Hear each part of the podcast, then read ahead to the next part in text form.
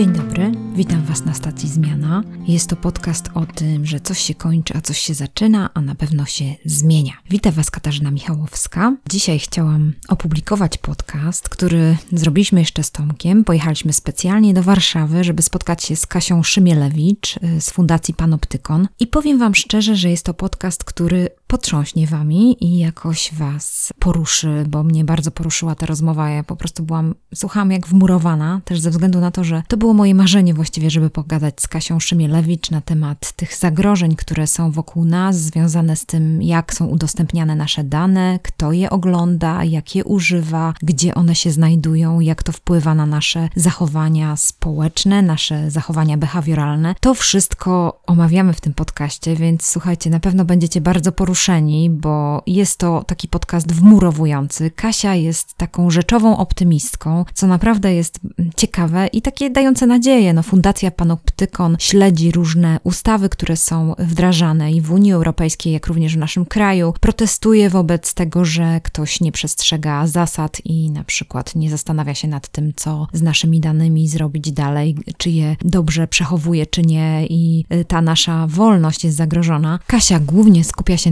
nad tym, żeby zachęcić nas do tego, żebyśmy myśleli krytycznie, żebyśmy włączali też myślenie, dlatego że czasami jest tak, że z lenistwa wypuszczamy to, co jest ważne dla nas, czyli nasza osobista wolność, nasze dane, nasze informacje. Panoptykon naprawdę zachęca nas do tego, żebyśmy zastanawiali się nad tym wszystkim. Ja osobiście Was zachęcam do tego, żebyście skorzystali z wiedzy, którą Panoptykon oferuje, żebyście przejrzeli ich stronę, zapisali się na newsletter, wsparli jednym procentem podatku, ze względu na to, że naprawdę oni wykonują świetną, świetną robotę po to, żebyśmy mieli zapewnione chociaż podstawowe poczucie bezpieczeństwa, jeżeli chodzi o naszą intymność, brak inwigilowania nas, czy informację związaną z nami. Bardzo fajna rozmowa, polecam Wam. Tomek tam bryluje, ze względu na to, że to jest jego konik i on tam jest cały podekscytowany. Wiecie, jak wiecie, zajmował się kiedyś wdrożeniem otwartych danych i optował za tym. No, Kasia tutaj pokazuje inną stronę, więc tam trochę zgrzyta w tej rozmowie, ale to nie szkodzi. Przez to rozmowa jest energetyczna i fajnie się ją słucha. Więc zapraszam Was serdecznie. Kasia Szymielewicz, ja i Tomek rozmawiamy z nią w Warszawie w Fundacji Panoptykon. Zapraszam.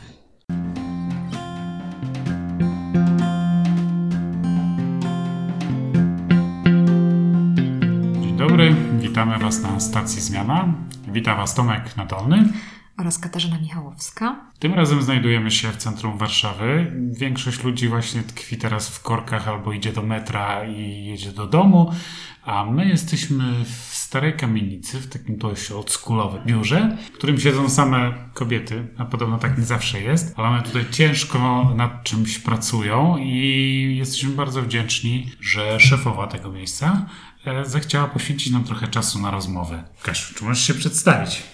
Witam wszystkich. Mówi Katarzyna Szymielewicz. Jestem prezeską Fundacji Panoptykon. To jest chyba moja główna rola zawodowa. Waham się, bo rzeczywiście nasza praca oznacza rozmaitość ról, w które wchodzimy i funkcji, które pełnimy. Panoptykon jest nadal dość niewielką organizacją i nam się to podoba. Lubimy działać w niewielkim zespole. Jest nas nadal poniżej 10 osób. Pewnie gdyby liczyć współpracowników byłoby nas więcej. I z pewnością nie jest to organizacja kobieca, jest z nami sporo mężczyzn, których pozdrawiam, ale przez ten rozmiar i dynamikę naszej pracy ja pełnię bardzo różne funkcje. Zdarza mi się być publicystką, zdarza mi się prowadzić podcast radiowy, zdarza mi się występować w mediach, zdarza mi się reprezentować nas wobec rozmaitych decydentów, chodzić do Sejmu, jeździć do Brukseli i lobować tam o lepsze prawo, ale też robić rzeczy edukacyjne, pracować nawet z dziećmi, więc ta, to spektrum tego, co robimy i co ja przez to robię jest dosyć szerokie. Z wykształcenia jestem prawnikiem, prawniczką i to na pewno jakoś formuje moje myślenie, ale też już od długiego czasu myślę, rozumiem, że prawo nas nie uratuje przed nami samymi. Jeśli my jako ludzie gdzieś się nie spotkamy i nie przemyślimy tego, jak chcemy razem żyć, jakie wartości są dla nas ważne, to żadna regulacja nas przed nami samymi nie ochroni. Więc strasznie ważna dla mnie jest praca z ludźmi i szukanie takich form dotarcia nawet poprzez sztukę czy kulturę, bo z tym też eksperymentujemy ostatnio. Te inne formy są dla mnie coraz ważniejsze. Kasiu, czy możesz przybliżyć naszym słuchaczom, czym zajmuje się panoptyką? Gdybym miała powiedzieć jednym zdaniem, powiedziałabym, że zajmujemy się tym problematycznym stykiem technologii i człowieka, tym miejscem, gdzie to, co ludzkie spotyka się z tym, co technologiczne i na tym styku tworzą się rozmaite problemy. One nie zawsze mają taki wymiar, że ktoś chce nam zrobić krzywdę poprzez technologię, której używamy, albo nas wykorzystać, na, nas zmanipulować, chociaż to też. Myślę, że myślenie takie, że dane, informacja to władza jest gdzieś u założenia panoptykonu tkwi. Takie fundujące credo, no to jest to, że, że dane to władza, że te dane odklejają się od ludzi, i podróżują w różne miejsca, mają je różne instytucje, czasami nam przyjazne, czasami nie. I dobrze byłoby to kontrolować. Dlatego nasza misja to kontrolowanie kontrolujących. Tych, którzy próbują lub mogą nas kontrolować. A OVC to są i e, publiczne instytucje, takie jak państwo, rozmaite jego służby, agendy, od skarbówki po ABW i jeszcze szpitale, pewnie i szkoły i różne inne zakamarki, gdzie państwo i dane o nas się znajdują, ale też to, co prywatne, firmy komercyjne, które zarabiają na komercjalizacji naszej prywatności, na naszej uwadze, traktują nas czasami jak towar, jak gałki oczne, to jest język ludzi od reklamy. I tu też wkraczamy. Wkraczamy nie jako wróg, bo my nie stawiamy się w takiej radykalnej opozycji, żeby to wszystko zwalczać. Mamy trzeźwe spojrzenie, że tak działa świat i zapewne to, to się długo nie zmieni. Natomiast chcemy wprowadzić jakieś korekty. Takie korekty do tego systemu poprzez właśnie prawo, regulacje, poprzez e, edukowanie ludzi, poprzez mówienie o tych problemach głośno, ludzkim językiem. Wydobywamy je na światło dzienne, bo one są często głęboko ukryte w tejże technologii. Staramy się pewne rzeczy skorygować. Więc myślę, że taka jest nasza rola, takiego głosu watchdoga, który ostrzega i takiego kogoś, kto staje po stronie człowieka i mówi pozwólcie, że Wam pomożemy, pozwólcie, że Wam pomożemy zrozumieć, jak to działa i co można z tym zrobić. Czuję też, że kiedy zaczynaliśmy prawie już 10 lat temu, bo za rok będzie 10 lat w kwietniu, to to był taki głos na pustyni, bardzo odosobniony. Dwa lata temu, kiedy zaczęła się afera wokół wyboru Trumpa, roli w tym danych i firm marketingowych, które wykorzystywały dane z Facebooka i tak dalej, i tak miałam poczucie z kolei przedziwne, że wszyscy wokół mnie, wszyscy w cudzysłowie, ta bańka medialno-polityczna pęka od krytyki. Wszyscy nagle widzą w tych e, mediach społecznościowych zagrożenie, nagle internet stał się zły, że jest przegięcie w drugą stronę. I my znowu mówimy, ale halo, halo, spokojnie. To ludzie używają tej technologii, to my mamy wpływ na to, co dzieje się z informacjami o nas i to korporacje i instytucje państwowe też o tym decydują, to też to nie jest tak, że musimy teraz z kolei zamknąć internet, żeby, żeby przeżyć, albo że on jest winien naszym porażkom politycznym. Nie, to jest cały czas nasza odpowiedzialność, mhm. więc o, ty, o tym też mówimy. Czasami idziemy w drugą stronę, pod prąd. Kojarzy mi się to z taką sytuacją, że kiedy auta wkroczyły na drogi, to one po prostu jeździły jak chciały. Po prostu jakimiś tam trasami i w końcu trzeba było się dogadać no. i jakąś tam formę temu nadać, że w prawo, lewo skręt, w prawo skręt, tutaj musisz się zatrzymać, tutaj oznaczyć jakoś przejście dla pieszych i, i tak dalej. I tutaj mi się z tym kojarzy, że my teraz żyjemy właśnie w takich czasach trochę tak jak te auta, że to tak jeździ, nie wiadomo gdzie jeździmy, tak naprawdę nie wiemy, gdzie tam to wszystko wyląduje, a wy próbujecie te różne potrzeby spotkać po to, żeby nakreślić, może, może tutaj się zatrzymajmy, a może tutaj coś uregulujmy, a może tutaj się dogadajmy, czy dobrze myślę? Ciekawa jest ta metafora. Może troszeczkę pomija jeden aspekt, to znaczy te reguły, jeśli chodzi o technologię, one istniały dużo mhm. wcześniej. Żebyśmy spojrzeli na przykład na prawo, które chroni dane osobowe, to to są stare bardzo ustawy, nawet czasami mają po 30 lat. Polska pierwsza została przyjęta w 1997 roku, czyli zanim w ogóle internet stał się tematem komercyjnym i masowym, już były pewne reguły,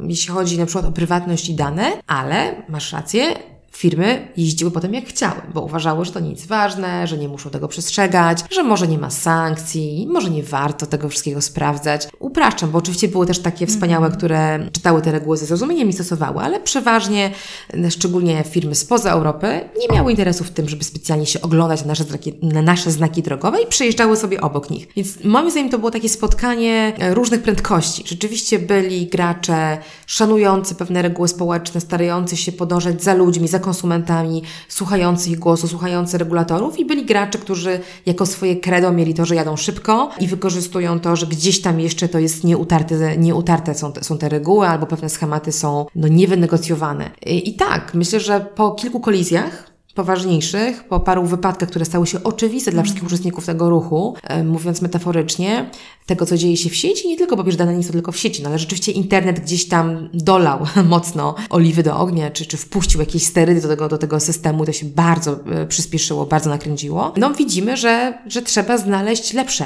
albo może zrobić tak, jak próbuje robić ta najnowsza regulacja RODO, regulacja chroniąca dane osobowe europejska, która obowiązuje bezpośrednio, bezpośrednio również w Polsce, znaleźć taki sposób, żeby nawet ci szybcy gracze, ryzykujący dużo, respektowali nasze, nasze, nasze zasady. No i tutaj drogą do tego w kapitalizmie wydaje mi się dobrą są sankcje finansowe i to się właśnie Mhm. stało, tak? Czyli prawo, które jako takie nie wprowadzało rewolucji w tych regułach, bo te, tak jak powiedziałam, istniało dużo, dużo wcześniej, dosypało tam trochę elastyczności, trochę jakiegoś zarządzania ryzykiem, trochę fajnych rzeczy dla biznesu i trochę niefajnych, na przykład wysokie sankcje finansowe.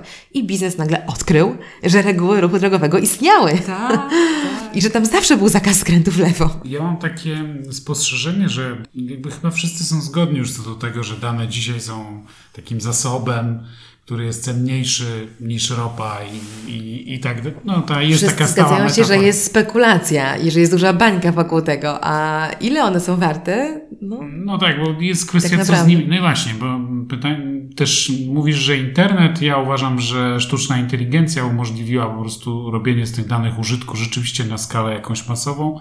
E, Może nie tyle internet, co właśnie to, że mamy już możliwości ich przetwarzania, układania Mhm, i bez wyciągania, człowieka. wyciągania wniosków. Algorytmy wciąż jeszcze człowiek układa i też O, nie, nakłada. nie wszystkie, nie wszystkie, bo już e, No z tak, dumą, no, z dumą no, twórcy tych pier, tych starych mówią, już nasze maszyny, nasze algorytmy, upraszczając trochę, Same układają. same układają ciekawsze, takie, które nas zaskakują. Więc jak najbardziej sytuacja, w której to system komputerowy, samoucząca się sieć wymyśla nowe tego typu sieci, ona nie tyle jest możliwa, co ona jest... już e, dzieje. Tak, to się już Teraz dzieje. są takie dwie postawy. Jedna jest y, mocno sceptyczna, że to wszystko prowadzi w kierunku katastrofy, obdarcia nas z prywatności, psuje nam dzieci. Możemy tu wymieniać mnóstwo zagrożeń, które są pewnie niewydumane i częściowo słuszne. A z drugiej strony też mieliśmy podcasty o Smart City, o rozwoju technologicznym, w których jest mnóstwo wręcz nieuzasadnionego entuzjazmu, że to po prostu samo wszystko rozwiąże. A jak sama dobrze zaczęłaś, moim zdaniem słusznie, od tego, że to jednak główny błąd polega na tym, że człowiek jest jaki jest i człowiek wykorzystuje to, co dostaje w najróżniejszy sposób. Czy jesteś gdzieś po środku, byś z poglądami się usadowiła? I czy przypadkiem nie jest, nie, nie właśnie wasza rola nie jest taka, żeby być mądrym przed szkodą, czyli być Polakiem mądrym przed szkodą? Jeszcze zanim te kamery stały się tak masowe jak w Nowym Jorku, w Polsce, to wy już na alarm biliście, że nad tym nie ma żadnej kontroli. Jak parkometry inteligentne zostały wprowadzone w pierwszych miastach w Polsce, to zaczęliście robić, na, na, nagłaśniać problem, że słuchajcie, ale wszyscy wiedzą, gdzie jest tablica rejestracyjna tego samochodu i kto o tym wie, ile osób i tak dalej. No to są takie rzeczy, które są właśnie, rozwój Smart City powoduje tego, rozwój tego typu technologii i zawsze wtedy pan optyką nagle mówi dzwoneczek, uwaga, czy wy nie widzicie przypadkiem, że tutaj coś jest nie tak i często macie rację, a z drugiej strony wiele osób zarzuca wam, że hamulcowym jesteście, tak? Że, że jakby nie, że niesłusznie, że się czepiacie i tak dalej. Jak byś swoją rolę w tym wszystkim widziała? Tak? Na, na pewno panoptykon nie jest od tego, żeby tworzyć jakieś sztuczne dychotomie, czy ludzi dzielić, czy konfliktować i mówić my bronimy, a wy atakujcie, czy na odwrót. Samo, samo założenie, że technologia z definicji jest progresem, jest jakimś postępem, który my hamujemy, załóżmy, krytykując ją, mi się nie podoba. Myślę, że to jest e, fałszywe założenie. To byłoby takie założenie, jakoby każdy dodatek technologiczny ulepszał nas, nas cywilizacyjnie, czy etycznie, czy jako ludzi, a tak na pewno nie jest. Myślę, że dzięki nowym technologiom możemy robić rzeczy inaczej, może szybciej, może efektywniej, ale nie zawsze mądrzej czy lepiej. To jest jakby inna zmienna, nad którą to my musimy trochę pracować jako, jako ludzie. A może być tak, jak wydaje mi się już się zadziało z internetem, że z kolei przesyt informacją czy przesyt kontaktem z technologią robi człowiekowi szkodę, wyrządza mu szkodę, jeśli chodzi o jego kreatywne myślenie, o jego samopoczucie, o jego zdolność organizacji własnego czasu, no o różne ważne e, aspekty naszego życia. Więc samo to ustawienie, tak, że, że ci, którzy przychodzą z kamerami, z systemami, z algorytmami, to oni są zawsze tymi, tym głosem postępu, a my ewentualnie kimś, kto ich trzyma za nogawkę i mówi ej, ej, poczekajcie, bo jeszcze rozmowa ważna nas czeka o regulacji czy o wartościach, że samo to jest y, błędne. Ale na pewno naszą rolą jest mówić ludziom, hej, technologia jest narzędziem dla nas i my potrzebujemy się jako społeczeństwo gdzieś spotkać i porozumieć, co do tego, co chcemy z nią zrobić. A oczywiście biznes, najczęściej biznes, czasami też państwo, które inwestuje rzeczywiście trochę na oślep w, w smart city, tego typu rzeczy, bo bo nie wiem, bo taki jest polityczny trend, czy chce pokazać, że jest nowoczesny, czy chce dać komuś zarobić, już nie mi to oceniać i może nie wchodźmy w tę motywację, ale biznes ma motywację zysk. Więc jeżeli pojawia się nowa możliwość wygenerowania zysku, na przykład nowa technologia, no to tylko głupi by jej nie wpychał, tak? Nie mówił ludzie, no to jest świetne, bierzcie, bierzcie szybko, bo to jest postęp. Więc to, że W firmy... przypadku parkometrów, no wiadomo, po prostu na przykład no, obniżenie kosztów ludzkiej obsługi, nie? bo to jest zdecydowany aspekt y, takich tych rozpoznawania tablic rejestracyjnych, że jednak trochę mniej ludzi musi to kontrolować, sprawdzać i tak dalej, więc tu Mhm, no tak, pobudki są jasne. Czasami jest konkretny powód w postaci właśnie zaoszczędzenia środków na, na, na jednej rzeczy. Może gdyby poszukać w ryzykach związanych z, z takim systemem, błędach, jakie on generuje, e, czy jakichś decyzjach niesprawiedliwych, to mogłoby się okazać, że obsługa z kolei tego generuje inne koszty, ale nie znam się na transporcie miejskim, nie będę się wymądrzać co do tego, czy parkometr taki jest optymalny, czy, czy nieoptymalny, ale chodzi mi o samo, samo, samo, samo zrozumienie tej dynamiki. To, że pojawia się technologia i że zawsze jest ktoś, kto mówi kupcie to, to jest nowe, to jest fajne, to jest ważne, to jest potrzebne, to jest normalne, ja to rozumiem, tak? Nie krytykuję firm, że chcą zarabiać pieniądze, ale naszą rolą jako odbiorców tego, konsumentów czy obywateli, którzy głosują na władze miejskie, które w to inwestują, jest zadać sobie pytanie po co? Ale do czego ma nam to służyć? Jeżeli mamy dobry powód, dlaczego ma nam to służyć, no to idźmy w to. Jeżeli go nie rozumiemy, albo nie mamy, albo dyktuje nam go ta firma, ewentualnie go wcale nikt go nie wyciąga na wierzch, ale gdzieś tam na dole chodzi po prostu tylko i wyłącznie o, o zysk, to może nie warto, bo my na tym stracimy. Więc chodzi bardziej o zadawanie tych pytań i rzeczywiście o zadawanie ich, zanim coś złego się wydarzy. Kamery są ciekawym przykładem, bo my je krytykujemy od zarania panoptykonu, nawet nie dlatego, że Obawiamy się nieefektywności wydatków publicznych na złe cele, czy samego wzrostu ich skali, tylko dlatego, że my widzimy, że to jest taka technologia, która nie rozwiązuje problemu, do, do, do którego jest powoływana.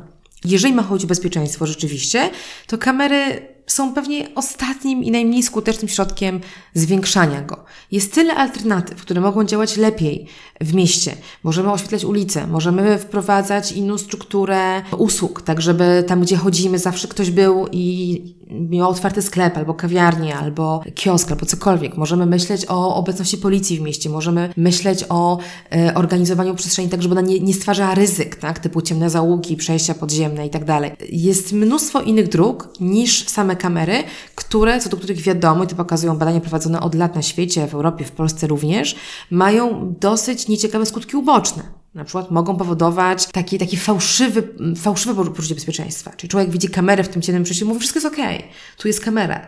Zareaguje ten, kto tam patrzy, a tam nikogo nie ma. Albo co gorsza, on jest atrapą. Nikt nie patrzy, nikt nie zareaguje. Ale jest fałszywe poczucie, mogę tamtędy iść wieczorem sam, sama, bo kamera tam jest i czuwa. No nie czuwa. Albo ukradną mi rower, dobrze, nie szkodzi, co pod kamerą, sprawdzę sobie. No nie sprawdzisz sobie, bo obraz jest zamazany, niewyraźny, nie było go wcale. Ten, kto ukradł rower, zasłonił głowę czapką, nic prostszego. Może być mnóstwo powodów, dla których te, to, to nagranie nie będzie pomocne. Czy w relacjach, nie wiem, z dzieciakami, tak, szkoły, szkoły poszły w kamerę w tym momencie. No bo nic prostszego to powiedzieć kamery tam, gdzie się biją. No niestety, tak się tego nie rozwiąże. Będą się bić indziej, będą się bić w jakimś tam podziemiu szkolnym, będzie to schodzić jeszcze głębiej, ewentualnie zaburzymy dzieciom poczucie tego, dlaczego się kontrolują. Jeżeli doprowadzimy do tego, że nasze młode pokolenie będzie uważało, bo jest kamera, czyli jest oko nadzorcy, a nie dlatego, że samo na przykład chce szukać innych metod e, rozwiązywania sporów niż bójka, albo e, nie wiem, samo dochodzi do wniosku, że może jakieś używki to nie w szkole albo cokolwiek, to, to nie jest tędy droga. Jeżeli mamy iść na zasadzie patrzę na ciebie, widzę to i dlatego tylko ja nie robię czegoś, bo ktoś mnie obserwuje,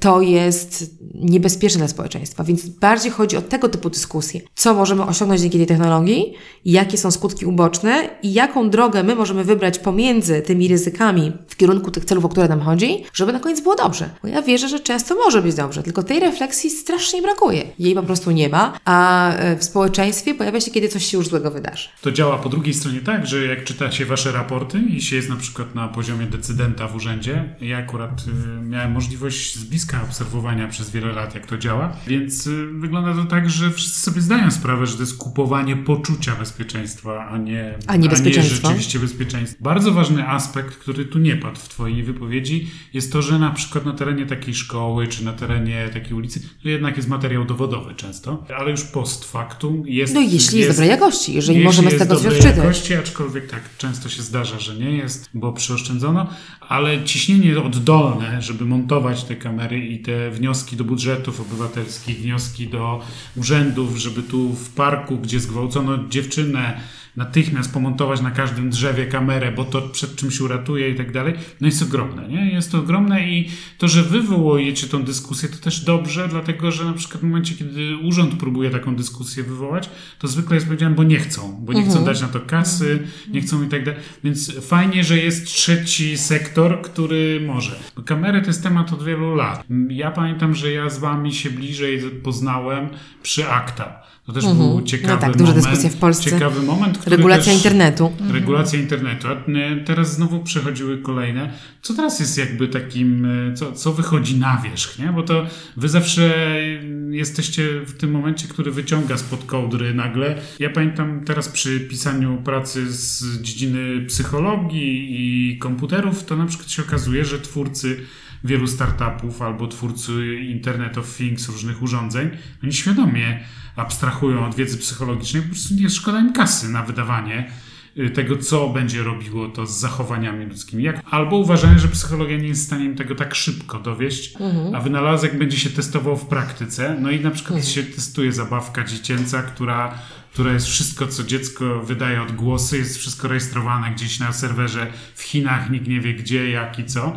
Na przykład czujnik ruchu w domu i takie rzeczy. No jest to trochę creepy i, i, i właśnie mam... Dobre, dobre pytanie byłoby, po co tutaj? Po co, po co to jest potrzebne, Aha. nie? Na przykład. Albo te wszystkie pieski japońskie, które są teraz te, takie roboty, które wszystko rejestrują. Wszystko i same się uczą jeszcze zachowań pod państwa, ale wszystko się zapisuje na jednym serwerze, więc wszystkie pieski, które są na całym świecie, jednak w jakiś sposób można je schakować, bo wszystko można schakować. Więc jakby co, co widzisz dzisiaj, że jest takim gorącym e, tematem, który, co do którego boleśnie widzicie, że brakuje świadomości, a, a jakby on jest ważny. No Jest ich, jest ich na pewno dużo i myślę, że można byłoby z całą pewnością jest sporo tego do odkrycia w otoczeniu, które ty przywołałeś, czyli tak zwanym inteligentnym domu, w otoczeniu człowieka tym intymnym, gdzie otaczamy się sensorami rozmaitymi, które mają nasze zachowanie, głos, poruszanie się, to co mówimy, to co robimy, w jaki sposób zarejestrować, po to, żeby nam pomóc, ułatwić, towarzyszyć, odgadnąć, zamówić za nas, zaplanować za nas, czyli to delegowanie pewnych funkcji życiowych w ogóle, ale też odpowiedzialności za decyzje na urządzenia uczące się, uczące się w oparciu o nasze zachowanie, to jest trend, który mnie osobiście niepokoi, bo nie chciałabym żyć w świecie, w którym to się stało normą, ale tak jak w Twoim przykładzie nietestowania zabawek może wygenerować tak rozmaite ryzyka, w których prywatność jest w ogóle naszym najmniejszym problemem, chociaż będzie potężnym, bo te dane nie znikają, tak? Dane, które są raz od nas odklejone i podróżują na taki czy inny serwer, zaczynają najczęściej, wchodzą w obieg na przykład marketingu behawioralnego, czyli zaczynają karmić nasze modele behawioralne, nasze profile, które nie ta konkretna firma tych piesków, ale różni więksi hurtownicy, więksi gracze, którzy funkcjonują globalnie, mogą sobie takie dane pozyskać, kupić, czy w jakiś sposób nawet od nas odklejone, pseudonimizowane przetworzyć. Ich wiedza na nasz temat, którą potem wykorzystają w marketingu już innych usług bankowych, finansowych, edukacyjnych, politycznych, będzie niezwykle bogata, bo jest oparta o obserwację, na którą my de facto pozwoliliśmy, wpuszczając do domu takie urządzenie, które tak jak ten piesek chodzi e, krok w krok za nami i obserwuje. Więc tutaj wyzwaniem jest na pewno niewidzialność tego, to, że to jest w naszym otoczeniu. Łatwo zapomnieć, że ta technologia działa gdzieś tam w tle. Zaufanie, jakim my ją ob- obdarzamy mm, i taka skłonność do rezygnowania z decyzji, co mi się bardzo mocno kojarzy z ucieczką od wolności, taką jeszcze, którą From opisywał, tylko tutaj może mniej egzystencjalnie, a bardziej tak konsumencko. Mamy zmęczenie wyborami, zmęczenie decyzjami, jest ich za dużo, życie stało się zbyt skomplikowane, a ups, my je uczyniliśmy skomplikowanym, my chcieliśmy mieć 15 sprzęt w domu, setną decyzję do podjęcia, bo je cały czas ulepszamy, to przekroczyło naszą zdolność, naszą własną, więc co robimy? Oddajemy te decyzje, które na koniec dotyczą naszego życia oczywiście, maszynom. E, a co za nimi stoi? Interesy komercyjne tych, którzy je stworzyli. No bo przecież nie, nie nasz osobisty interes, tylko raczej jakaś filozofia rynkowa, na przykład konsumuj więcej, albo żyj szybciej, albo planuj taką aktywność, a nie inną aktywność. Mm. Więc władza, jaką oddajemy nad swoim takim bardzo osobistym życiem w ten sposób, jest potężna. Więc to jest, myślę, jeden taki obszar, w którym my sami zapraszamy do, nas, do swojego życia te, te urządzenia i sensory. No na pewno obszar, ty nazywasz to sztuczną inteligencją, ja bym pewnie nazwała to uczeniem maszynowym, bo to, czy ta inteligencja już powstała i czy można rzeczywiście mówić o, o sztucznej inteligencji, to, to jest ta dyskusja akademicka, naukowa. Ja nie jestem sama inżynierem ciężko mi się do tego odnosić, ale na pewno jest tak, że maszyny się uczą, uczą się same, uczą się w oparciu o tak zwane duże dane, czyli ogromne zbiory danych odzwierciedlających tak naprawdę statystyczne korelacje, czyli opisujących jakieś prawidłowości, bo to są tego typu dane. To nie jest na przykład nigdy historia jednej osoby, tylko raczej milionów osób czy tysięcy osób, po to właśnie, żeby można było zobaczyć, aha, jeżeli człowiek wykonał konkretny krok, na przykład nie wiem, kupił czarny samochód i coś tam jeszcze, coś tam jeszcze, to zapewne za rok kupi taki sprzęt, czy taki kolor innego sprzętu, bo to nam się jakiś wzór na temat jego zachowań. Obserwujemy całą populację, po to, żeby wydedukować, tak, tak kombinują firmy, jaki będzie kolejny krok zwykle konsumenta, bo zwykle chodzi tutaj o pieniądze i o reklamę, e, to napędza ten trend, po to, żeby zrozumieć lepiej, jak działa konsument. A więc nie czekać na to, że on przyjdzie do sklepu po samochód, a potem po pięciu latach przyjdzie po kolejny, bo mu się popsuł, tylko wydedukować, co on jeszcze potrzebuje, albo jak on jeszcze będzie w innej sferze życia e, funkcjonował i gdzie my go możemy marketingowo złapać. To samo myślenie o człowieku jako o bycie, które da się opisać w regułach statystyki, to myślenie towarzyszy też innym sferom, nie tylko marketingu, ale też coraz bardziej państwu to się podoba, bo państwo też ma problem, no bo ma ludzi chorujących, ma ludzi bezrobotnych, ma ludzi oszukujących fiskusa, ma, ma przestępców i też próbuje zrozumieć, jak zachowa się przestępca, jak zachowa się oszust, jak zachowa się człowiek, który nie wyłudza ZUS e, i tak dalej, prawda? Więc państwo też swoim, na swoim poletku próbuje zrozumieć człowieka i go opisać, więc również sięga po te modele. Znane są przypadki wykorzystywania podobnych modeli, jak w marketingu, w na przykład wymiarze sprawiedliwości w Stanach Zjednoczonych, gdzie o tym, czy człowiek będzie zwolniony z więzienia wcześniej, decyduje tak naprawdę analiza danych, czyli porównanie jego zachowania z zachowaniem innych ludzi i taka predykcja, aha, skoro inni podobni wyszli wcześniej i było wszystko w porządku, to ten również może wyjść wcześniej, będzie w porządku, albo odwrotnie, prawda? Mówiąc najprościej, obrywamy w takich schematach będąc, obrywamy skutkami działań innych ludzi.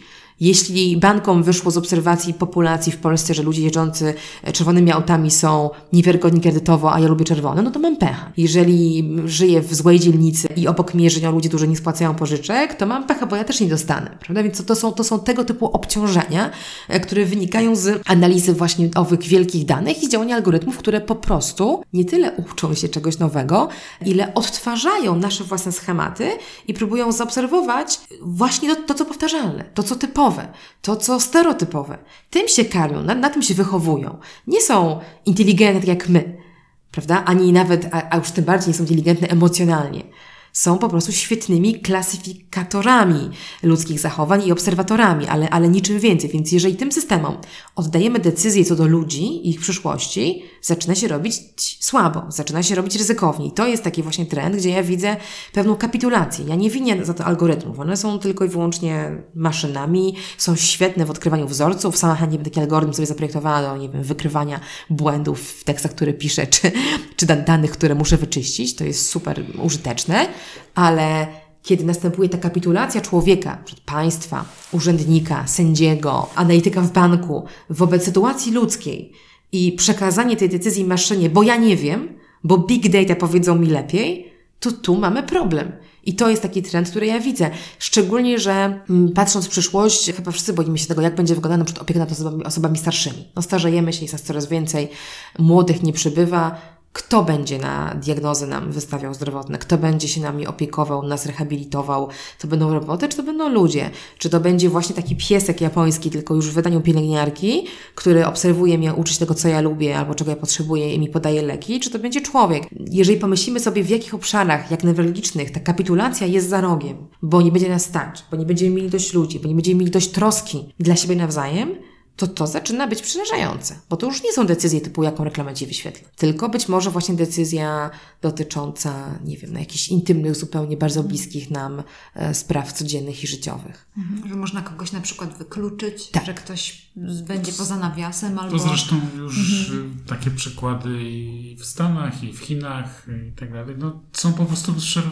pokazywane, że maszyny mając zaprogramowany pewien system podejmowania decyzji, no są bezlitosne i podejmują No, je jako- od tego są, żeby nie widzieć innych czynników, prawda? Widzą te, które mają... lista tych ludzi, którzy już nie mogą wsiąść do samolotu z powodu tego, że mają z jakichś tam powodów przewidywania, że mogą być niebezpieczni. Chiny zaimplementowały system, który nazywa się Social Credit Score, czyli taki system kredytu społecznego, który polega na tym, że każda, niemal każda interakcja społeczna jest w jakiś sposób rejestrowana i klasyfikowana wedle pewnych norm. Więc jeżeli ja zachowam się wobec Ciebie w metrze nieładnie, nie wiem, nie ustąpię Ci miejsca, jesteś osobą na przykład z laską, tak? I to jest, y, na- narusza jakieś reguły życia społecznego, albo, nie wiem, y, narusza reguły ruchu drogowego, albo w pracy, tak, nie będę efektywna, czy moje dziecko w szkole się spóźni, y, dostanie złą ocenę, cokolwiek takiego, co się wydarzy w moim życiu osobistym i życiu osobistym innych ludzi, z którymi ja mam związki bliskie, to obciąża mój rating, który ma wpływ na to, co mi wolno.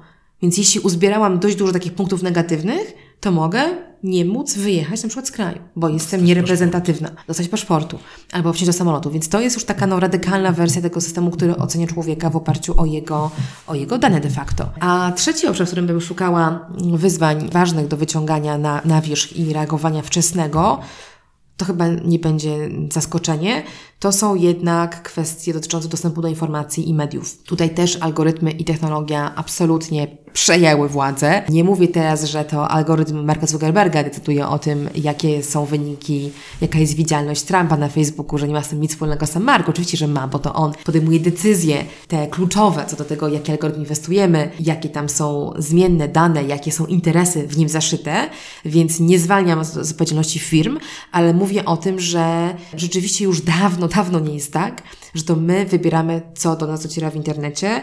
Sposób, w jaki informacja do nas dociera, jest bardzo mocno oparty o działanie systemów uczących się naszych zachowań, obserwujących nas, zalgorytmizowanych i czasami wytyczną jest obserwuj, na co reaguje i dawaj jemu, jej takie treści, na jakie zareaguje, bo to przynosi pieniądze, a czasami wytyczna może być inna. I my tego nie wiemy. Nie mamy kontroli nad tym, jakie, jaka logika, jakie wytyczne stoją za tym, że pewne treści do nas trafiają, czy to na Facebooku, czy w ramach wyszukiwań w Google, e, czy na YouTubie, czy w jakimkolwiek innym miejscu, bo to jest przecież ekosystemowy problem, a nie tylko problem jednej firmy. I to jest potężna kwestia, bo wiele ludzi kształtuje swój światopogląd w oparciu o to, co jest w internecie. Wiele osób tam znajduje relacje na życie, tam znajduje pracę, tam buduje swoje profile zawodowe, tam buduje swoją wiarygodność wobec innych ludzi. Więc jeżeli tutaj wkracza tak głęboko, intymnie, dyskretnie wkracza ta technologia, która nam filtruje rzeczywistość, no to ta odpowiedzialność za filtr powinna być, moim zdaniem, wyciągnięta i jakoś e, zrealizowana politycznie też. Polityka polityką, ale widzimy w przypadku kwestii szczepień, że to ewidentnie Mhm. choroba przyniesiona internetem i sposobem wyświetlania pewnych newsów Informacji, i jakichś tak. takich pseudoinformacji spowodowała, że to po prostu żyje swoim życiem. No, weszliśmy w świat pełen zagrożeń. Wy macie określony pakiet jakby programowy działań, które robicie, czy ostrzeżeń, które puszczacie w, w debatę publiczną, również chyba na takim poziomie, że, że, że no jakby po prostu walczycie o to, żeby na poziomie legislacyjnym czy regulacyjnym gdzieś to było. Jakbyś mogła opowiedzieć, w jaki sposób wy próbujecie na to mieć wpływ? Mhm. No, stoimy myślę na dwóch nogach, na nodze politycznej i na takiej nodze edukacyjnej, czyli z jednej strony staramy się trochę iść na skróty i mówić, dobrze, my mamy przekonanie co do tych problemów, mamy przekonanie, że je nieźle rozumiemy, mówimy ludziom, zaufajcie nam, zaufajcie, że my stajemy w obronie waszych interesów, wspierajcie nas w tym, bo idziemy na walkę polityczną. Taką walkę, w której no, nie zawsze możemy iść jako tłum, tak? Nie zawsze zmobilizujemy, tak jak było przy akta, nie zawsze będą ludzie na ulicy, nie zawsze będą za nami e, tysiące kliknięć czy jakichś głosów, ale nadal my jako eksperci, jako lobbyści występujący w interesie ob innych obywateli, wchodzimy na te salony, kuluary, komisje I sejmowe. wy macie ten na przykład czas, że przeczytacie te, te miliony papierów, które powstają. No oczywiście, my mamy, mamy infrastrukturę taką y, głównie składającą się z ludzi oczywiście, że przede wszystkim namierzamy te inicjatywy, czyli czy przeglądamy to, co się dzieje w procesie legislacyjnym, żeby namierzyć takie miejsca, w których pojawia się jakaś propozycja ryzykowna. Kolejne uprawnienia dla służb, kolejne uprawnienia dla fiskusa, jakiś system wykrywania oszustw podatkowych, czy, czy system właśnie, nie wiem, logika montowania kamer w szkołach, bo to też była kwestia legislacyjna. Ten cały program dotyczący kamer w szkołach, on, on ma swoje podstawy w, w prawie. Czy teraz no, mieliśmy bardzo ważną batalię o wdrożenie RODO, czyli tego rozporządzenia unijnego o ochronie danych osobowych, które trzeba było jakoś do polskiego porządku prawnego wdrożyć. I tu jest mnóstwo innych ustaw, które to dotyczy. Prawo bankowe, prawo pracy. Czy nie masz takiego bo ja przyznam się, że ja mam trochę takie, takie wrażenie, że to, czym się zajęliście 10 lat temu, prawie 10 lat temu, za chwilę będziecie mieli fajną rocznicę, podjęliście taki pewien wysiłek i zdawało się, że po pierwsze technologia goni, ale z drugiej strony Wam się udaje ciągle nowe tematy wyciągać i dość skutecznie wrzucać je na wokandę, bym tak powiedział, tak żeby one przenikały do do świadomości społecznej, ale też, żeby jednak politycy musieli działać. Musieli Musi się odnieść przynajmniej do musieli się odnieść. A czy nie masz takiego wrażenia, że od paru lat nastąpiło, to nie tylko w Polsce, ja nie, nie, nie chcę tutaj wywołać żadnej dyskusji dlaczego konkretnie mm -hmm, i tak dalej, mm -hmm. że jakby, że trochę musieliśmy zrobić kilka kroków do tyłu, że trochę się w tym wszystkim cofnęliśmy, w tym, co właśnie, w jaki sposób kontrolujemy, czy próbujemy mieć kontrolę nad tym, jakie to ma skutki, jak wpływa na nasze życie, że w imię jakichś dość iluzorycznych korzyści Chodzi społecznych. ci o zmianę klimatu społecznego, tak? tak że jest tak, większe przyzwolenie że, na to. Że jest większe przyzwolenie i mhm. że jakby w ogóle się zrobiliśmy nieczuli na to, że czy, czy wielu z nas się zrobiło mniej czuły, wrażliwych i coraz trudniej jakby przekonać do tego, coraz trudniej nacisnąć na odpowiednich polityków ludzi, żeby się w ogóle tym zajęli, bo oni sami widzą, że mogą to ignorować. Nie? Ja mam takie wrażenie, ale powiedz mi, ty, ty siedzisz w tym mocno, ty, ty jesteś tym watchdogiem, więc prawdopodobnie będziesz miała lepszy ogląd sytuacji. No mi to jednoznacznie stwierdzi, czy jest jakiś inny wektor. Na pewno to działa trochę na zasadzie sinusoidy, że, czy, czy jakiegoś takiego, takiego wykresu, który idzie raz w górę, raz w dół, bo były momenty w naszej historii panoptykonu bardzo trudne, gdzie czuliśmy, że, że mówimy rzeczywiście na pustyni, że te argumenty nie trafiają mm. i były momenty, kiedy czuliśmy, że jest dokładnie odwrotnie, że one gdzieś padają na, na podatny grunt i ludzie są z nami, również politycy. To rzeczywiście nie ma jasnych, oczywistych korelacji partyjnych. Bywało bardzo różnie z różnymi partiami mm. i pamiętam Pamiętam epokę, kiedy, nie wiem, PiS był dużym sojusznikiem walki z kamerami jako głupim rozwiązaniem na edukację, czy nawet pamiętam, jak PiS krytykował ustawę antyterrorystyczną, po czym chyba potem jakoś sam ją ulepszył, czy tam egzekwował. No w każdym razie z polityką bywa różnie. Ona ma swoje własne trajektorie, ja się do nich nie chcę odnosić. Jeśli chodzi o takie poparcie społeczne dla tego, czy, w czym my mhm. robimy, ono jest rzeczywiście zależne i od tematu, i od momentu. Będą momenty trudne, typu właśnie zamachy terrorystyczne, e, fala, nie wiem, migracji, jakaś, jakiś burzliwy moment w polityce, kiedy my czujemy w Europie, że jest ciężko, tak, że to wszystko pęka w szwach, że mamy ważniejsze problemy. Nie zawracajcie głowy jakimś penarem czy innym systemem, którym my krytykujemy systemy unijne, europejskie, które zbierają dane o pasażerach linii lotniczych, czy o ludziach, którzy przekraczają granice, jakoś nadmiernie ich kontrolując. Mm, są takie momenty, gdzie, te, gdzie ten nasze dążenie do ochrony ludzi przed inwigilacją trafia na taki mur w postaci bieżącej polityki, gdzie coś trzeba załatwić. Ale to są jednak momenty. Ja nie mam takiego poczucia, żebyśmy jakoś, jakoś tak zmierzali ku mm, równi obojętności, gdzie ludzie mówią, nie, nie obchodzi mnie to. Raczej mam wrażenie, że to są różne reakcje na różne tematy. Na przykład jest pewnie większa obojętność na to, co robią, nie wiem, sklepy internetowe czy portale, bo je mamy oswojone, żyjemy z nimi w bardzo intymnych relacjach mhm. i godzimy się na bardzo dużo co, tego, co tu się dzieje. Cookiesy, nie cookiesy, reklama. Trochę ludzie machają ręką na to, a może niepokoją ich kwestie finansowe bardziej, tak? Czyli sektor finansowy już nie ma tak łatwo, bo jest trochę bardziej wyboisty, trochę większe są te stawki. Czy właśnie Facebook obrywa, bo nagle okazało się, okazało się, wow, ludzie mhm. dostrzegli, że jego władza naprawdę jest realna. I to już nie jest e, kwestia właśnie prognozy pogody, czy tego, w jaką ja reklamę kliknę, tylko dużo poważniejszych wyborów społecznych, politycznych. I nagle jest taki backlash na Facebooka, tak? Oni się cofają i pokazują dużo więcej niż pokazywali, są dużo bardziej rozliczalni, odpowiedzialni. Wiesz co, ty bardzo mnie pocieszyłaś, bo z Ciebie bije taka pewność sensowności tego, co Ty robisz. No może spokój długodystansowca, w tym sensie, że my, my rozumiemy, że bieg, na który się wyprawiliśmy, to nie jest sprint i to nie jest coś, co się skończy za rok. To też nie jest tak, że musimy biec w tym samym tempie i że musimy robić cały czas to samo. Na pewno w Panoptykonie metody się zmieniały, bo zaczęłam mówić e, wcześniej, jak spytałeś, co my na to, co my robimy o tej polityce, zaczęliśmy, ale mówiłam o tej drugiej nodze, którą u- upraszczając nazywam edukacyjną, bo to trochę chodzi, o to, żeby ludziom tłumaczyć, co tutaj się dzieje wokół nich, ale tam są bardzo różne rzeczy w tej drugiej nodze. Od y, lekcji, które robimy, może nie my, ale ludzie, którzy od nas materiały dostają i przez nas są szkoleni, robią je z dzieciakami w szkołach i działają u podstaw tak wcześnie, jak się da. I to są lekcje nie tylko z wiadomości tego, co dzieje się z danymi w sieci, czy jak działa internet, ale też z krytycznego myślenia wobec informacji w ogóle, z uzależnień, tak? Więc to są, to są, to są też takie głębokie rzeczy. Więc od, od czegoś takiego po projekty artystyczne, które robimy czasami z teatrami, nam się zdarza, z, z konkretnymi twórcami, wchodzimy w jakieś słuchowiska radiowe, w jakieś animacje, żeby potrząsnąć, pokazać, jak działa algorytm, jak działa ta logika, jak działa Facebook, o co chodzi z, z tym przewidywaniem przyszłości, z tym klasyfikowaniem ludzi w jakieś segmenty, dlaczego to w ogóle ma nas obchodzić, bo to jest trudne. To jest trudne, to jest często żargon, to są jakieś techniczne terminy i tego nie widać. To się dzieje na zapleczu. Ja często używam tej metafory zaplecza internetu, zaplecza technologii.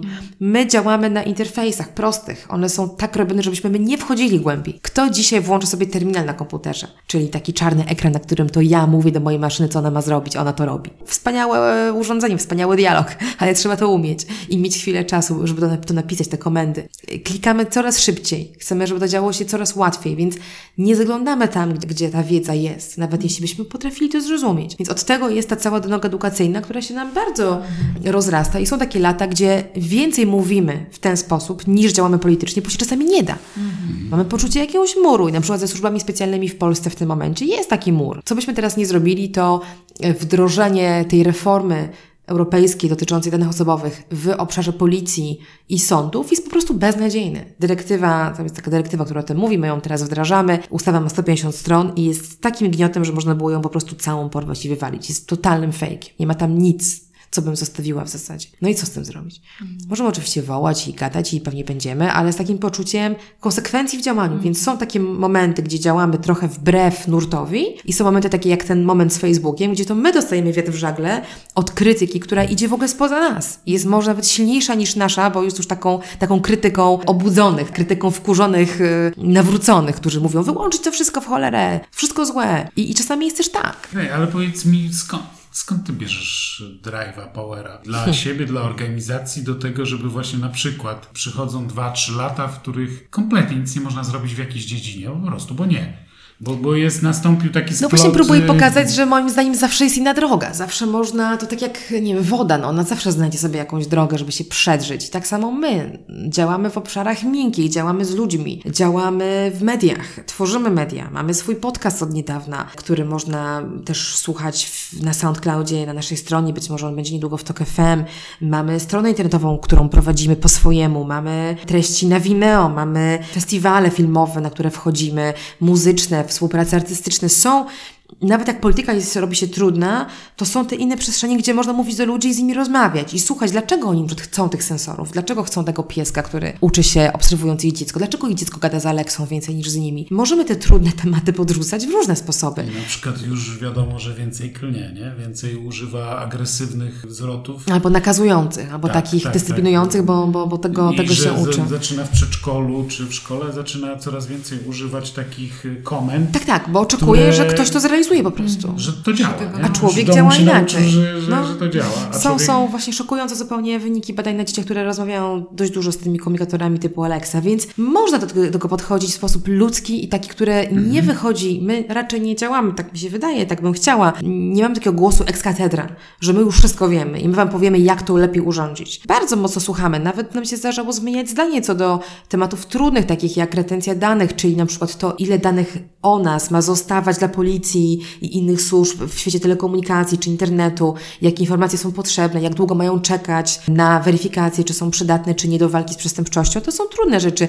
I nawet mi się zdarzało pod wpływem argumentów nie wiem, policji mówić, dobra, okej, tak? Już rozumiem, jak, jak, jak te wasze systemy działają, jak wy zrzucacie BTS-a i zrzucacie, nie wiem, tysiące danych, to co wy z nimi robicie? Już rozumiem, okej. No to mogę się na to zgodzić pod warunkiem, że są jakieś tam gwarancje, prawda? Takie dialogi są możliwe, więc ja zawsze uważam, że ta droga gdzieś ona istnieje. Czy my mamy siłę i energię, żeby te drogi znajdować, wbrew czasami nurtowi, no to jest inna sprawa.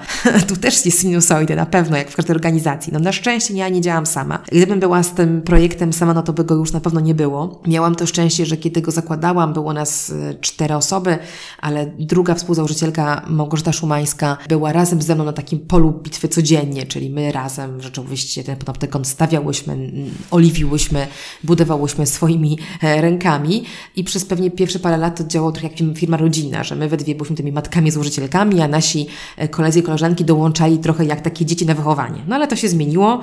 Był taki moment przełamania kryzysu, że tak się dalej nie da, że ja już nie chcę mieć tej odpowiedzialności cały czas na sobie. I na szczęście okazało się, że wiele z tych osób, przynajmniej pięć, zostało z nami na dłużej, co naturalnie powoduje coś takiego, że one biorą odpowiedzialność do siebie, że chcą rozwijać się niezależnie, chcą budować własne, my mówimy o tym jak, jak o gałęziach, że panoptykon jest jak drzewo, które ma gałęzie. I u nas każdy, kto jest samodzielny i ma pomysły, może mieć własną gałąź i może ją sobie dowolnie tam sterować. Więc jak ja nie mam energii, moja gałąź przysycha, bo tak na pewno się zdarza, to ktoś inny akurat ma taki właśnie flow i, i tak. moment, że no teraz ja powalczę.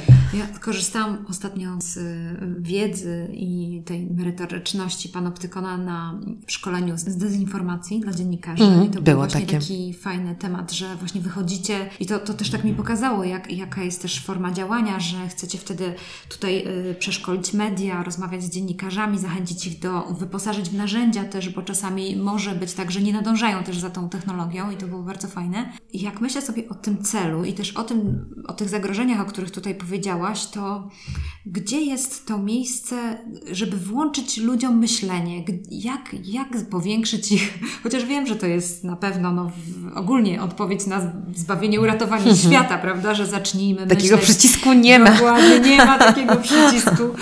Ale właśnie na pewno masz tam jakieś takie pomysły, marzenia, że chciałabyś, żeby ludzie inaczej podchodzili do rzeczy. Czy możesz je wypowiedzieć? Jakie, jakie takie są Twoje te, te takie najgłębsze marzenia, żeby co ludzie zaczęli w ogóle jakoś włączyli nie? w sobie? No ja bym chciała, żeby oni nie uciekali od tej wolności, którą mają, żeby oni ją dostrzegali jednak w, te, w, te, w tej wolności decydowania o sobie dar, przywilej, taką przestrzeń, której nie warto oddawać, bo dla mnie jakby miała nazwać źródło mojej złości, która na pewno mnie niesie w tym projekcie i powoduje, że ja nadal mam ochotę to robić i nadziei. Jest taka mieszanka chyba dwóch, dwóch, dwóch takich energii, tak, taka energia negatywna, że jestem zła, kiedy ktoś próbuje mi odebrać decyzyjność. Kiedy ktoś próbuje za mnie moim życiem sterować i za mnie wie lepiej, co ja mam zrobić. Nie znoszę takiej sytuacji. -hmm. I kiedy robi to państwo, korporacja, czy system, czy jak mówił Foucault, nasz wielki inspirator, od którego wzięła się nazwa panoptykonu, jak robi to dyskurs, to czasami jest super miękkie. Czasami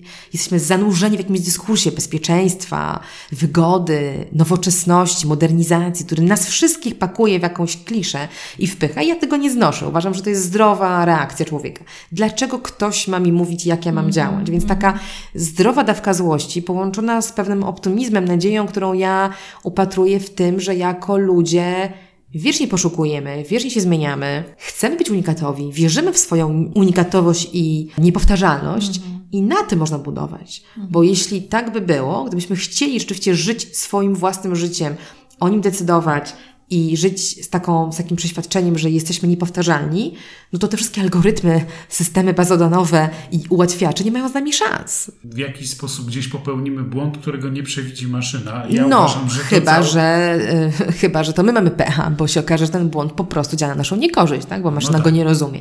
Więc to też jest to, jest to ostrzeżenie. Ja też mam nadzieję, że ludzie jednak, taka ostatnia rzecz, która chyba we mnie powoduje jakąś taką, taką budzi nadzieję, to jest jednak to, jak dużo dystopii powstaje cały czas w kulturze, też takiej popularnej, jak dużo jest filmów, narracji, książek, które przestrzegają, pokazują ten kolejny krok. No mhm. choćby Czarne Lustro, Netflixowe teraz, kiedyś mhm. BBC 2, polskie genialne rzeczy z science fiction, tego jest naprawdę dużo w kulturze, ludzie to czytają, przetwarzają te, te narracje. sygnalizowała. No jasne, to są... się z nas przejął? No, Zajdel teraz wracający no właśnie kto się przejął? Może się jednak przejęliśmy, może jednak jest to w nas. Ja chcę wierzyć, że to ziarno Lema i ziarno innych genialnych dystopistów pokazujących nie idźcie tą drogą jest właśnie w nas. I możemy oczywiście na co dzień w tej pogoni za czasem, w tej pogoni za wygodą, w tej pogoni za tym, żeby ta informacja nas tak nie, nie przemieliła, żeby jakoś się okiełznać. Możemy to zgubić, ale to ziarno gdzieś tam jest w nas, tak o tym myślę, więc jeżeli ono jest, to możemy je podlewać i możemy je podlewać na tysiąc sposobów. Literaturą, spotkaniami, dyskusjami, tym, co dzieje się w naszym domu, tym, co robimy z naszymi dziećmi. Też jak widzę całą tą alternatywną, nie wiem, no trend dotyczący jedzenia, żeby jednak lepiej jeść, żeby jednak wolniej żyć, żeby to jedzenie też było właśnie wolniejsze, żeby było bardziej eko.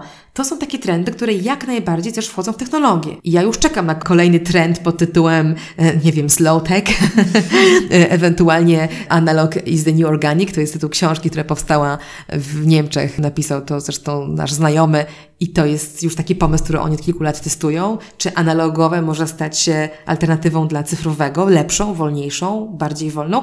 Nie wiem. To nie o to chodzi, No, żeby pewno- wybrać konkretną jest rzecz. Widoczny powoli trend w Polsce, przynajmniej w tej naszej bańce, w której ludzie ograniczają używanie social mediów y, lub na przykład wyłączają powiadomienia sobie na telefonie, Mm. Dokładnie. bądź, no, czyli niwelują też ten dopaminowy Widzą w wyrzut, tym problem, który- prawda? Że to nas ogłupia, uzależnia, jak e, robi nam taki efekt trochę Pawłowa, że reagujemy jak, jak zwierzęta, automatycznie nie chcemy być. To jest cały czas to samo. Ta wiara w człowieka, w tą jego dumę i, i dążenie do unikatowości prowadzi mnie do takiego myślenia, że nie chcemy być tymi ps- psami Pawłowa, które reagują na powiadomienia na Twitterze tym, że muszę je sprawdzić. Po cholerę. Znam też sporo osób, które Messengera usunęły na przykład, czyli i też te takie aplikacje tego typu właśnie Tak, czatowe. wyprowadzanie ich z telefonu. Z, z, ze względu na to, że zdały sobie sprawę, jak dużo rzeczy jest pobieranych z otoczenia całego, kiedy się To raz, że one nas bardzo monitorują, ale też nas stresują do pewnych zachowań. A ja nie chcę być stresowana. Ja chcę móc decydować sama. I e, taka myśl, która też zaczęła się pojawiać w moim kręgu, takim bardziej eksperckim, ale ona wraca i to mnie intryguje, że ona tak wraca, to jest taki koncept na wyłącznik do tego wszystkiego. Taki kill switch, który możesz mieć w domu, w ramach tego inteligentnego domu. Jeżeli on będzie powstawał, to wyobrażam sobie, że również będzie tam wyłącznik, który mówi przestańcie, tak? Nikt teraz nie monitoruje. Dom jest teraz spokojny i idzie spać na przykład, albo zajmuje się czymś innym. Więc to są takie pomysły, które robią się też mainstreamowe i robią się modne, więc ja myślę, że jest droga do tego, żeby człowiek jednak wygrał. Czyli bardziej takie świadome, przemyślane funkcjonowanie. Z drugiej strony na przykład wdrożenie w życie takich pomysłów typu ograniczenia skutków, jakie mają na przykład używanie masowe smartfonów, social mediów na nasze życie. To już są takie konkretne pomysły na to, jak można by było być bliżej tego, co Twoja organizacja walczy dla innych.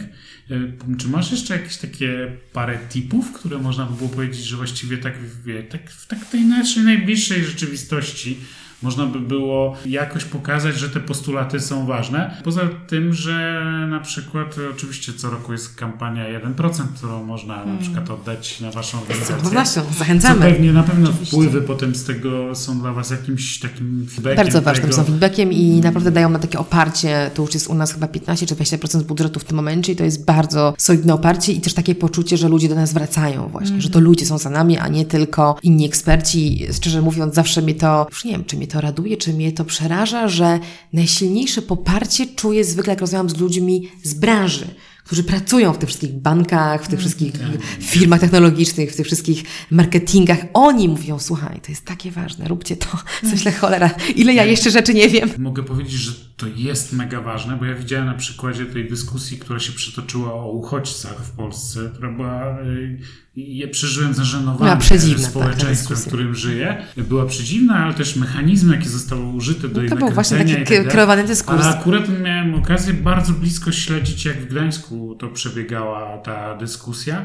I też w Gdańsku zrobiono dwa razy badania tam w stosunku do Tak, przybyszów. I tam akurat pokazano, że taka polisy pewne i pewne działania edukacyjne i stałe, stałe trzymanie się pewnych zasad spowodowało, że po takim dość silnym wahnięciu takim, czyli że w Gdańsku było mniej więcej jak w całej Polsce, po roku dyskusji i debaty publicznej, liczba tych osób, które po prostu wyrażały kompletną niechęć do uchodźców, do przybyszów i tak dalej, no jednak z powrotem wróciła do poziomu, który był kilka lat temu, czyli do normalności. tak. Czyli to ma sens. To, to trzeba sens, na, taki, tak. na taką skalę prowadzić, na przykład w takim dużym mieście tego typu y, dyskusje. Ale właśnie ja myślę, że, że wy tu macie parę takich wypracowanych. Tego, Ja niechętnie daję takie. Do it yourself. Niechętnie daję takie proste wytyczne, bo Aha. one są najlepsze, kiedy są szyte na, szyte, na miarę, czyli kiedy każdy znajduje dla siebie Okej. ten obszar, w którym chce coś zmienić. I ja nie wiem, co dla słuchających nas osób jest ważne, czy to będzie Facebook, czy to będzie wyszukiwanie w Google, czy to będzie w ogóle nie internet, tylko właśnie kwestie szkoły albo urzędu, albo korzystania w ogóle z informacji, e, czy właśnie ćwiczenia się w takim e, odłączaniu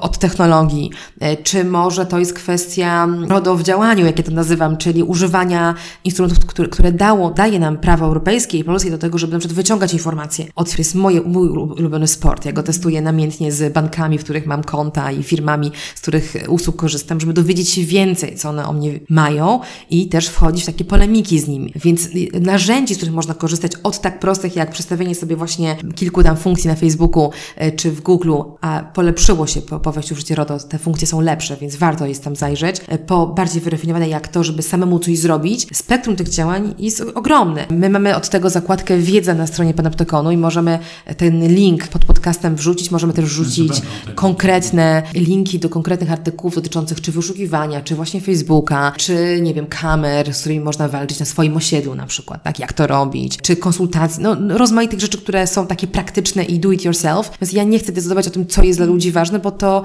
ludzie najlepiej wiedzą. I my mamy całe to spektrum na stronie, obiecuję, jest tego naprawdę dużo. Ja bym powiedziała tylko o jednym włączniku, no, włącz krytyczne myślenie. Nie ma lepszego włącznika, który nas chroni przed tym, co się dzieje w technologii, niż krytyczne myślenie i takie pytanie, po co? Czy ja wiem, do czego ma mi ta technologia służyć? Bo jeśli nie wiem, to może poczekam z jej uruchomieniem w swoim życiu, dopóki się nie dowiem. Bo jeżeli ja nie wiem, to znaczy, że ktoś inny wie. I ten ktoś inny decyduje za mnie.